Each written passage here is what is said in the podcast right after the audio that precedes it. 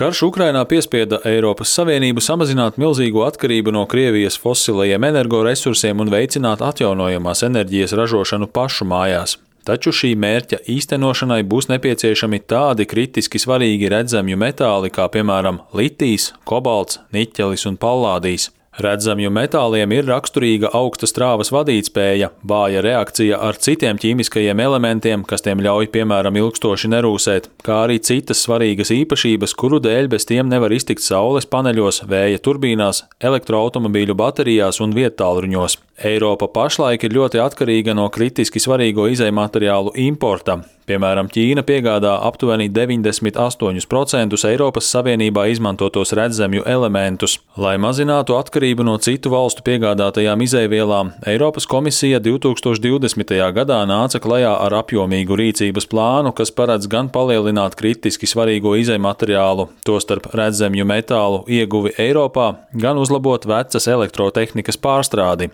Taču arī turpmāk Eiropas Savienība nevarēs pilnībā iztikt bez kritisko izēvielu importa no citām valstīm, lai varētu apgādāt sevi ar augstajām tehnoloģijām, kuras ir svarīgas pārējai uz zaļāku ekonomiku, šonadēļ paziņoja Eiropas komisijas prezidente Urzula Fonderleina. Šie elementi ir tīras ekonomikas dzīvības spēks. Mums tie ir nepieciešami, lai sasniegtu mūsu ambiciozos dekarbonizācijas mērķus. Leina šonadēļ viesojās Kanādā, kuras rīcībā ir vienas no pasaulē lielākajām zināmajām redzamju elementu rezervēm. Leina pēc tikšanās ar Kanādas premjerministru Justinu Trudeau sacīja, ka Kanāda var palīdzēt Eiropai samazināt atkarību no Ķīnas redzamju metālu importa. Eiropa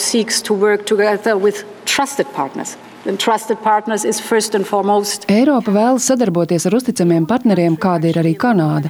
Vienīgā valsts ziemeļu puslodē, kur iegūst visas izēvielas, kas ir nepieciešamas litija jonu akumulātoru ražošanā.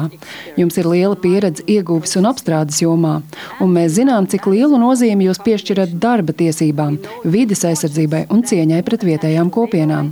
2021. gadā mēs uzsākām sadarbību kritisko izēvielu jomā. Tā jau nes augļus.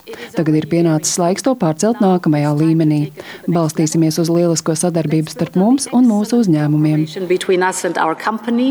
Eiropas Savienības un Kanādas sadarbībai kritisko izēvielu jomā pērn sekoja arī Vācijas autorūpniecības milži Volkswagen un Mercedes-Benz, kuri turpmāk lielu daļu no nepieciešamajiem redzamju metāliem iegādāsies no Kanādas. Savukārt Beļģijas uzņēmums Jumikor, kas specializējas dārgmetālu attīrīšanā un pārstrādē, plāno izveidot akumulatoru materiālu ražotni Ontārio provincē Kanādā. Lējienas vizītes laikā Trudo paziņoja, ka Kanāda ir noslēgusi jaunu vienošanos ar Eiropas Savienību par zaļā jeb atjaunīgā ūdeņraža piegādi blokam.